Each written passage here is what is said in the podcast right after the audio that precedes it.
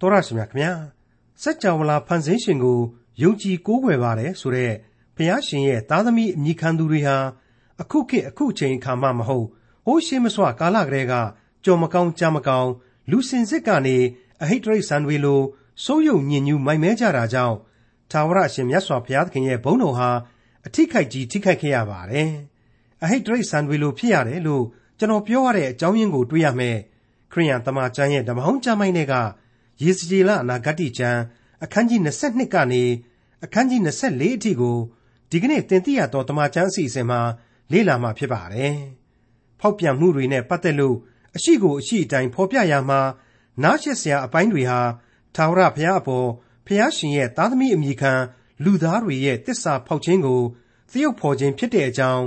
ယေစကြည်လအနာဂတ်ကျမ်းအခန်းကြီး22ကနေအခန်းကြီး24အထိကိုဒေါက်တာထွန်းမြတ်အေးက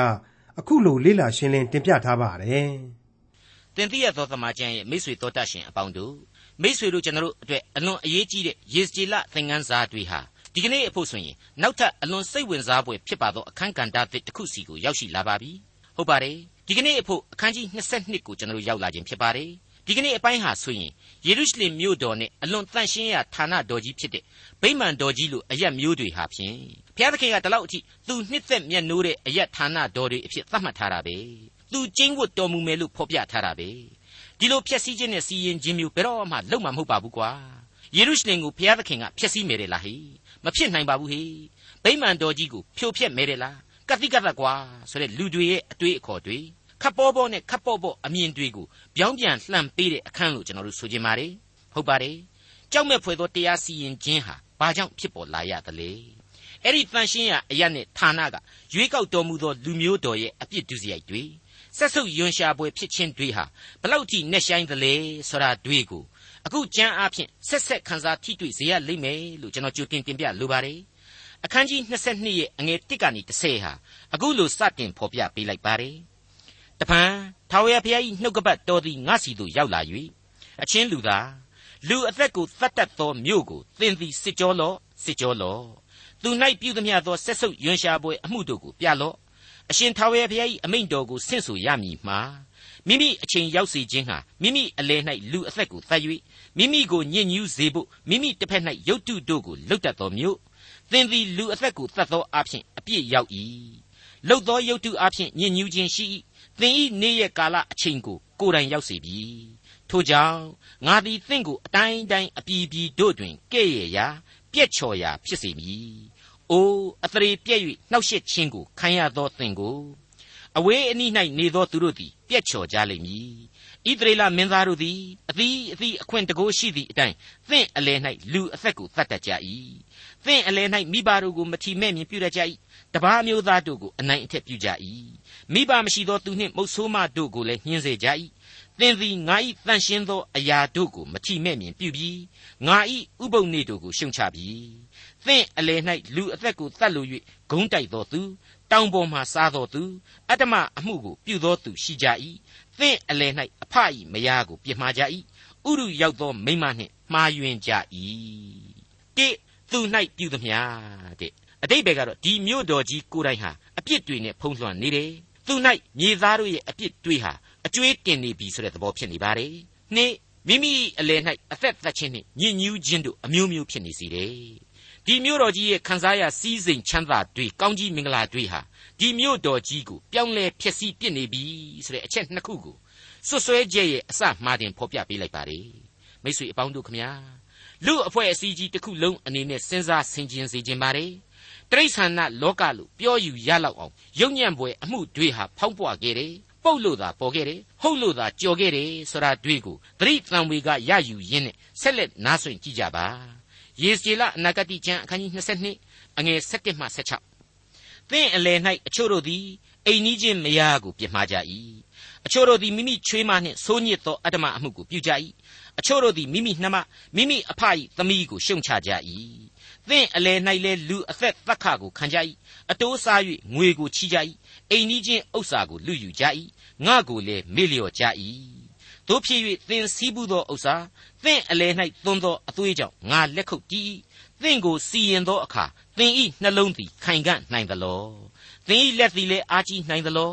ငါထာဝရဘုရားသည်အမိန့်တော်ရှိသည့်အတိုင်းပြုမည်သင်ကိုလည်းအတိုင်းတိုင်းအပြည်ပြည်တို့တွင်အရရသို့ကွဲပြားစေမည်သင်၏အညစ်အကြေးကိုလည်းပယ်ရှင်းမည်လူအမျိုးမျိုးတို့ရှေ့မှသင်သည်ကိုယ်တိုင်အသရေရှုံချခြင်းကိုခံရ၍ငါသည်ထာဝရဘုရားဖြစ်ကြောင်းကိုသိရလိမ့်မည်ဟုအရှင်ထာဝရဘုရားမိန့်တော်မူ၏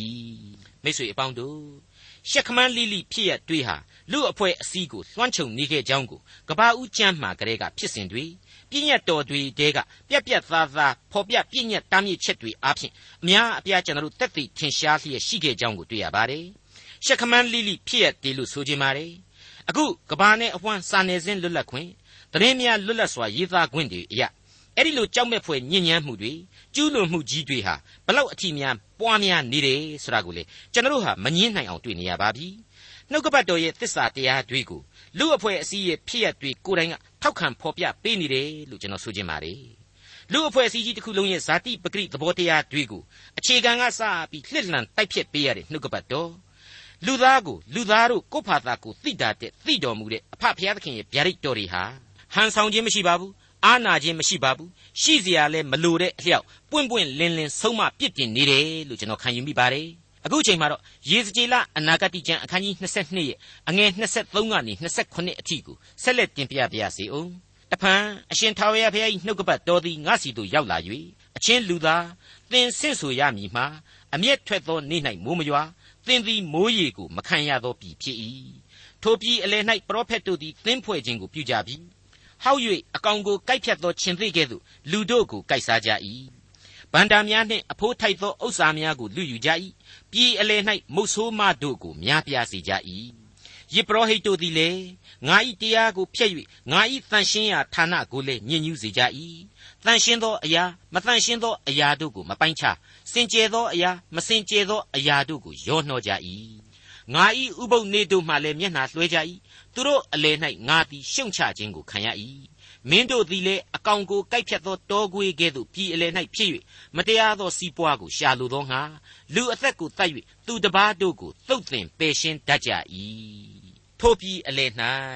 တဲ့အသက်မဲ့မြေကြီးရဲ့အလယ်မှာပါနော်စောစောပိုင်းတုန်းကယေရုရှလင်မြို့တော်ကိုဥတည်ခဲ့တယ်အခုကျတော့တိုင်းပြည်ရဲ့အတိုင်းအတာနဲ့ကြီးညာမောင်းခတ်လိုက်တယ်ပရောဖက်တို့ဒီမင်းလျင်သင်းဖွဲ့ခြင်းကိုပြုပြီတဲ့အဲ့ဒါဟာလူအတိုင်းအတာနဲ့တော့ပရောဖက်အဆင့်တော်ရှိလိမ့်မယ်အမှန် ဒါပေမဲ့ဘုရားသခင်အလိုတော်ကိုနားမလဲပဲနဲ့ကိုယ့်ဘာသာကိုကြည်ကျက်ပြီးတော့စားတာနေကြတဲ့အတုအယောင်ပရောဖက်တွေကိုဆိုလိုခြင်းပဲကျွန်တော်အနေနဲ့ယေရမိအနာဂတ်သမိုင်းမှတ်တမ်းများအရာအဲ့ဒီပရောဖက်ကြီးတွေဟာလေဣသရေလလူအဖွဲ့အစည်းကိုဘလောက်ထိလွှမ်းမိုးထားခဲ့တယ်သူတို့နဲ့သဘောထားမတိုက်ဆိုင်လာရင်ယေရမိလိုအဆင့်မျိုးကပရောဖက်မျိုးထိတ်တန်းပုဂ္ဂိုလ်လိုမျိုးကိုတောင်မှထောင်ချတာထိတ်တုံးခတ်တာတတ်ဖို့ကြိုးစားခဲ့တာတွေကိုကျွန်တော်တို့တွေ့ကြရပြီဖြစ်ပါတယ် အဲဒါကြောင့်လေသူတို့ကြောင့်တုတ်တင်မှုကြီးတွေနိုင်ငံရေးလှုပ်ကြံမှုကြီးတွေရှိခဲ့လိမ့်မယ်ဆိုတာကိုအခုခံမှန်းလို့ရလာပါတယ်မှန်ပါတယ်လူတို့ကိုကြိုက်စားတယ်ဗန္တာနဲ့အဖိုးတိုက်သောဥစ္စာတို့ကိုလူယူတယ်မုတ်ဆိုးမများကိုများပြားစေတယ်တဲ့သူတို့မို့လို့နည်းနည်းပါးပါးသူတို့နဲ့မို့လို့နည်းနည်းပါးပါးမတည့်ဘူးဆိုရင်အပြတ်ရှင်းခဲ့တဲ့စောက်ထိုးမိုးမြော်နိုင်ငံရေးအခြေအနေပဲဆိုတာဟာရှင်းမနေဘူးလားယေစကျေလအနာဂတိကျမ်းအခန်းကြီး22အငယ်30နဲ့31ထိုပြည်ကို ငါမဖြက်စည်းစေခြင်းငှာကွယ်ကာသောသူမြို့ရိုးပြက်ပေါ်မှရိုက်၍စီးတားသောသူတယောက်ကိုမျှငါရှာ၍မတွေ့ထို့ကြောင့်ငါအမျက်ကိုငါသွန်းလောင်းလျက်ငါဒေါသမီးဖြင့်သူတို့ကိုရှို့၍သူတို့အပြစ်ကိုသူတို့ခေါင်းပေါ်သို့ရောက်စေမည်ဟုအရှင်ထာဝရဘုရားမိန့်တော်မူ၏အံ့ဩဖို့ကောင်းနေပြီဘိုးဘေးတို့ခစ်ကလေးကအပြစ်တွေယုံကြည်ခြင်းပြက်ပြားနေတဲ့အပြစ်တွေပြည့်ညတ်တော်တွေကိုအကြီးအကျယ်ဖောက်ဖျက်နေတဲ့အပြစ်တွေဆိုတာဟာတောင်းလို့ပုံနေတာပဲဒါကြောင့် အပြစ်ဒဏ်ကိုခံရမှာဟာအမှန်အဲ့ဒီတိုင်းပါပဲငါစီမှာဆုတောင်းမှလာမတောင်းနဲ့ဆိုပြီးတော့အမျက်တော်ပြင်းထန်တာဟာလည်းအမှန်ပဲဖြစ်ခဲ့တယ်အခုကျတော့ဒီပြည်ကိုမဖျက်ဆီးဖို့ကာကွယ်မိသူ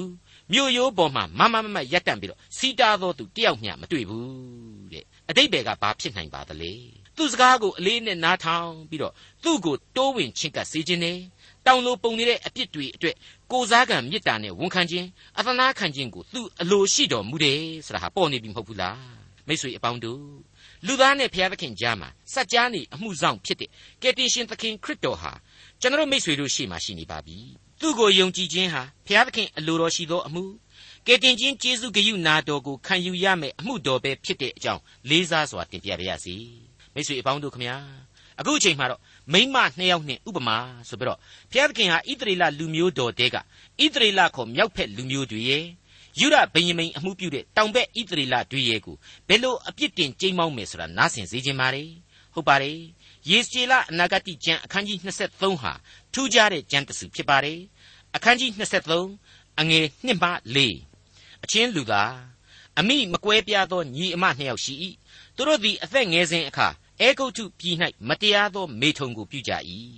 ထိုပြည်၌သူတို့၏သားမြတ်ကိုပွတ်နေ၍အပြိုမအသရေကိုရှုံချကြ၏အမကအဟောလာညမကအဟောလိဘအမည်ရှိ၏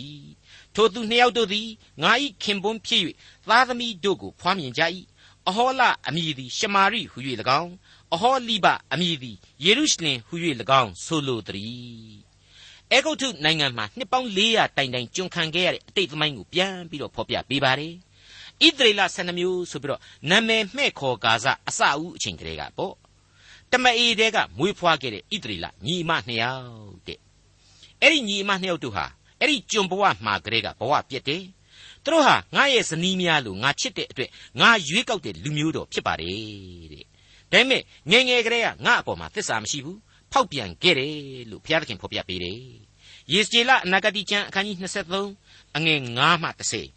အဟောလာသည်ငါဤခင်ပွန်းဖြစ်စဉ်အခါမတရားသောမေထုံကိုပြု၏မိမိရည်စားတည်းဟုသောပြာသောအဝတ်ကိုဝတ်သောမိမိအိမ်နီးချင်းအာရှုရိအမျိုးသားဗိုလ်မင်းဝန်မင်းချစ်ဖွယ်သောလူပြိုမြင်းစည်းသူရဲတို့ကိုတတ်မဲ့၏ထိုအာရှုရိလူကောင်းလူမြတ်အပေါင်းတို့နှင့်မတရားသောမေထုံကိုပြု၏တတ်မဲ့သောသူအပေါင်းတို့၏ရုပ်ထုများနှင့်ကိုယ်ကိုညှဉ်းညူးစေ၏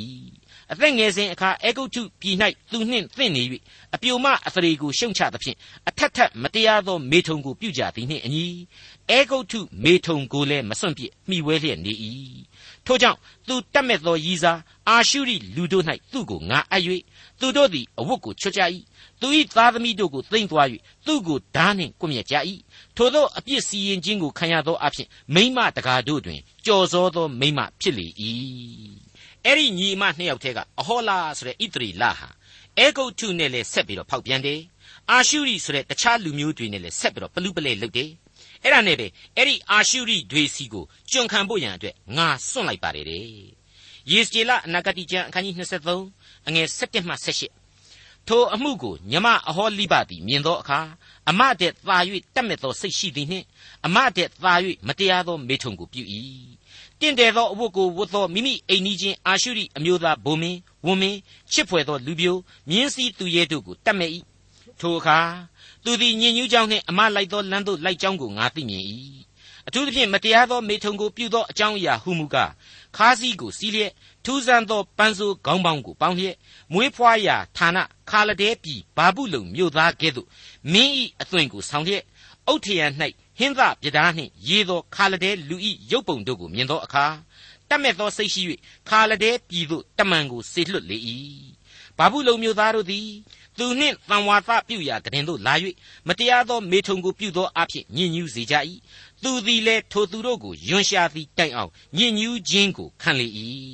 ထို့သောမတရားသောမေထုံကိုပြုခြင်းအဝတ်အချီးစီးရှိခြင်းကိုထင်ရှားဖော်ပြသောကြောင့် ငါသည်သူ့အမကိုယွန်ရှာတဲ့ကဲ့သို့သူ့ကိုလည်းယွန်ရှာ၏အမကြီးဣသရီလရဲ့ဖောက်ပြန်မှုတဲ့ညမယုဒရဲ့ဖောက်ပြန်မှုဟာပို့ပြီးတော့တောင်းမှရမက်ပြင်းထန်တယ်ဆိုတာကိုတင်စားဖော်ကျူလိုက်ပါတယ်အလွန်ရုပ်ရင်းကြမ်းတမ်းလှတဲ့အသွေးအသားဖောက်ပြန်မှုတွေအကြောင်းကိုဣသရေလရဲ့ယုဒတို့ရဲ့ဟာအပြိုင်အဆိုင်ကျူးလွန်ခဲ့ကြတယ်ဆိုတာကိုအာမနာရှာမကျူဖော်ပြထားတဲ့အပိုင်းနားဆွဲလောက်အောင်တင်စားဖော်ပြမှုများပြုထားတဲ့အပိုင်းပဲဖြစ်ပါတယ် မိတ်ဆွေအပေါင်းတို့အေဂုတ်ထုပြည်မှာကျွန်ခံရအချိန်ကာလကတည်းကဣသရေလဟာအေဂုတ်ထုနဲ့ဖောက်ပြန်တယ်အဲ့ဒီကလေးကဘုရားသခင်အပေါ်မှာသစ္စာမရှိတဲ့အစဉ်အလာအတိုင်းအခုယေစကြည်လယေရမိဒံယေလတို့ရဲ့အချိန်တိုင်အောင်ပျက်စီးနေခဲ့တာပဲဆိုတာကိုအလွန်တဏှာရာကပြင်းထန်ဖောက်ပြန်နေတဲ့အဟောလနဲ့အဟောလိဘဆိုတဲ့မိမနှစ်ယောက်တို့ဥပမာအားဖြင့်ယေစကြည်လအနာဂတိကျမ်းဟာပြည်ပြင်းစွာဖော်ပြပေးထားပါတယ်အမှန်တကယ်တဏှာရာကနဲ့ဖောက်ပြန်ခြင်းလားမဟုတ်ဘူး ယမက်တဏှာနဲ့ဖောက်ပြန်ခြင်းအမျိုးမျိုးတို့ကိုဓမ္မသမိုင်းလူသားတို့စီမှာရှက်ခမန်းလိလိတွေ့ကြရပြီးပြီဖြစ်ပါတယ်အရှိကိုအရှိအတိုင်းဖော်ပြရမှာနားရှက်ခြင်းစရာအပိုင်းတွေလည်းပါဝင်ခဲ့ပါတယ်အဲ့ဒီလိုနားရှက်ခြင်းစရာဆိုတဲ့အမှုတွေကိုလူသားဟာလူသားအချင်းချင်းသာရှက်နေကြတာအဖဖျားသခင်ရှိတော်မှောက်မှာတယ်အထင်သာပြစ်မှာကျူးလွန်နေခဲ့ကြတယ်လို့ကျွန်တော်တွေးမိတဲ့အခါကျတော့နှုတ်ကပတ်တော်မှာအခုဖော်ပြနေတဲ့ဒီရှက်ကြောက်ဖွယ်အမှုတို့ဟာ အပြစ်လူပေါင်းရဲ့များစွာသောတယုတ်များတဲ့ကမဆန်းလှပါသောလူတယုတ်တစ်ခုအဖြစ်သာလျှင်ကျွန်တော်မိษွေတို့ကခွဲခြားနားလည်ထားဖို့ရှိပါတယ်အခုယေစတေလအနာဂတိကျမ်းမှာပါဝင်တဲ့ညဉ့်ညမ်းသောမြင်ကွင်းတို့ဟာလေအမှန်တကယ်မိမနှစ်ယောက်ရဲ့တဏှာရာကကြီးမားမှုများမဟုတ်ဖ ೇನೆ လူမျိုးတော်ရဲ့ဘုရားသခင်အပေါ်မှာတစ္ဆာဖောက်ပြီးတော့အပြစ်သားတို့ရဲ့ဇာတိပဂရိနောက်သို့ဆွဲလန်းတန်တစွာလိုက်ပါမှုများနဲ့နှိုင်းရှင်ပြတယုတ်များသာဖြစ်တယ်လို့ကျွန်တော်တင်ပြလိုက်ပါတယ် ယေစတေလအနာဂတိကျမ်းအခန်းကြီး23အငယ်43မှ49အဆုံးအထိငါကလည်းထိုသူတို့သည်ဤမိမနှင့်ပင်အကယ်၍မတရားသောမေထုံကိုပြုကြလိမ့်မည်လောဟုအိုသည်တိုင်အောင်ပြည်တစားလှုပ်သောထိုမိမကိုရည်မှတ်၍ဆိုသောပြည်တစားမိမရှိရသို့ယောက်ျားဝင်တတ်တဲ့ကဲ့သို့သူတို့သည်ထိုအတ္တမမိမအဟောလာနှင့်အဟောလိဘရှိရသို့ဝင်ကြ၏တို့ဖြစ်၍မြောက်မထားသောမိမလူအသက်ကိုတတ်သောအပြစ်ရှိသောမိမဖြစ်သောကြောင့်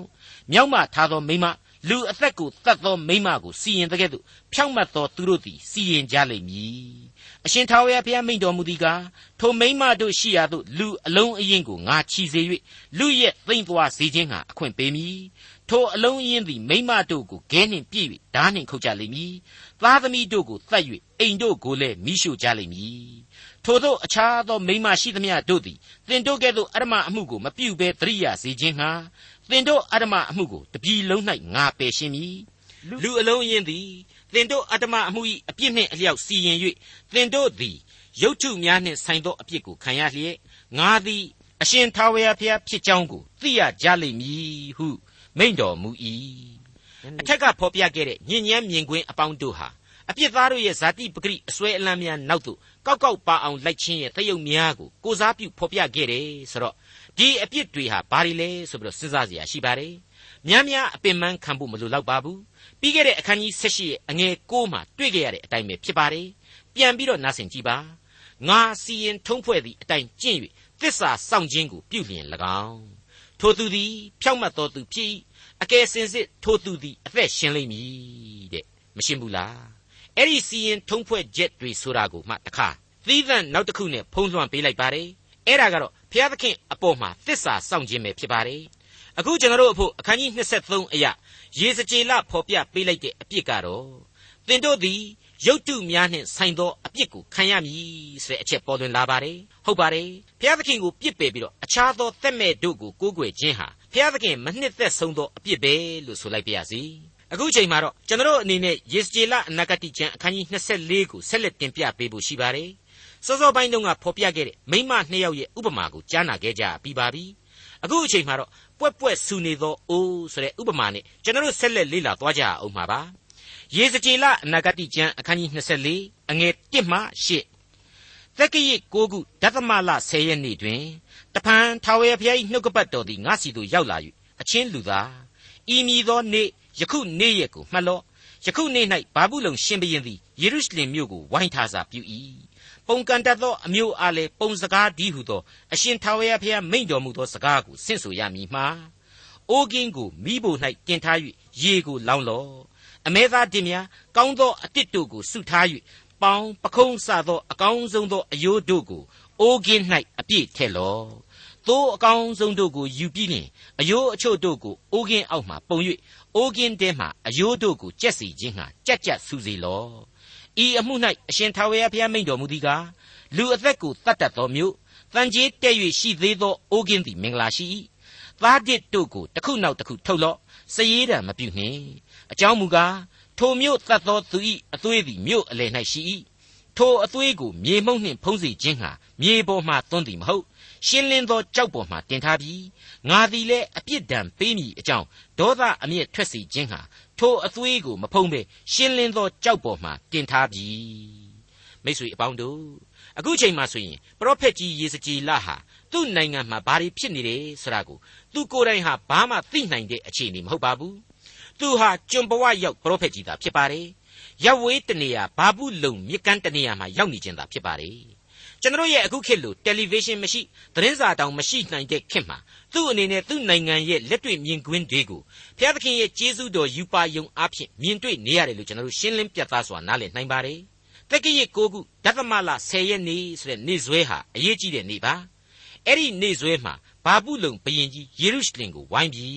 တဲ့အင်္ဂလိပ်ကျမ်းကတော့ King of Babylon set himself against Jerusalem this same day ဆိုပြီးတော့ဖော်ပြပါတယ် စပြီးတော့ရန်လုတ်လာပြီဆိုတဲ့သဘောပါကျွန်တော်နားလေသည်နှစ်နှစ်နီးပါးလောက်ပိတ်ဆို့ပြီးတော့ထားခဲ့ပြီးမှယေရုရှလင်ကိုဘာဘူးလုံတို့ထွင်းပေါက်နိုင်ပါတယ်အခုအချိန်မှဆိုရင်ခါချီနေတဲ့ယေရုရှလင်ကိုစတင်ဝန်းရံခြင်းပဲဖြစ်ပါတယ်ယေရမိရဲ့ဖော်ပြချက်များနဲ့လည်းကိုက်ညီမှုရှိနေတဲ့စတင်ဒုက္ခပေးလာသောနေဆွဲပဲဖြစ်ပါတယ်အဲ့ဒီအခြေအနေကိုယူပါယုံနဲ့ဘုရားသခင်ဟာဖော်ပြယုံသားမကရေစကြည်လကိုလက်တွေ့သရုပ်ပြပြီးတော့မိဖို့တခုအိုးတလုံးအသားအယိုးများနဲ့အတူ ကြံကြွန်ဘဝရောက်ဣသရေလတွေကိုနားလေအောင်လို့ဗျာဒိတ်ပြုဖော်ပြပေးစီပါတယ်။အိုးကင်းကိုမိဖို့ပေါ်မှာတင်ပြီးတော့ရေထဲတဲ့။အဲ့ဒီအိုးဟာအပြစ်ဒုစရိုက်ဖန်ကြီးတွေတက်နေတဲ့ယေရုရှလင်မြို့တော်ဖြစ်တယ်။မြို့ထဲကလူတွေကတော့အသားဒစ်တွေအဖြစ်အိုးထဲမှာထည့်ပြီးတော့မီးနဲ့တိုက်တာကိုခံရပြီလို့အကြမ်းပြင်းအတိတ်ပဲနဲ့တရုတ်ကိုဖော်စေလိုက်တာပဲဖြစ်ပါတယ်။ယေစကျေလအနာဂတိကျမ်းအခန်းကြီး24အငယ်6မှ14ဤအမှု၌ အရှင်ထာဝရဘုရားမိန့်တော်မူသည်ကလူအသက်ကိုတတ်တတ်သောမြို့သည်အမင်္ဂလာရှိ၏ကြီးစွာသောမိဘုံကိုငါစီရင်မည်ထင်းများကိုပုံထား၍မိရှုလော့အမဲသားရော့၍မြိန်စွာသောစားပွဲဖြစ်စေလော့အယိုးတို့ကိုလည်းကျွမ်းစေ